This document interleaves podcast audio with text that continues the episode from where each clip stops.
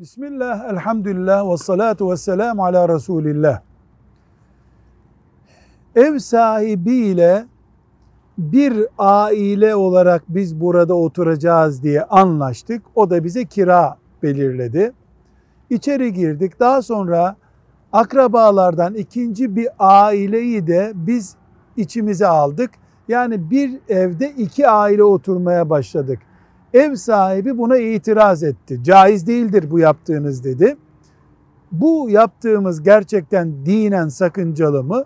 Cevap olarak diyoruz ki ev sahibiniyle sözleştiğimiz bir aileyi iki aileye çıkarmamız caiz olmaz. Neden? Çünkü ev sahibinin evinin yıpranma oranına göre ev sahibi kira isteyecekti. Biz bir aile olarak eskittiğimiz ev başka, iki üç aile olarak eskittiğimiz ev başka. Bu dinen sakıncalı bulunmuştur.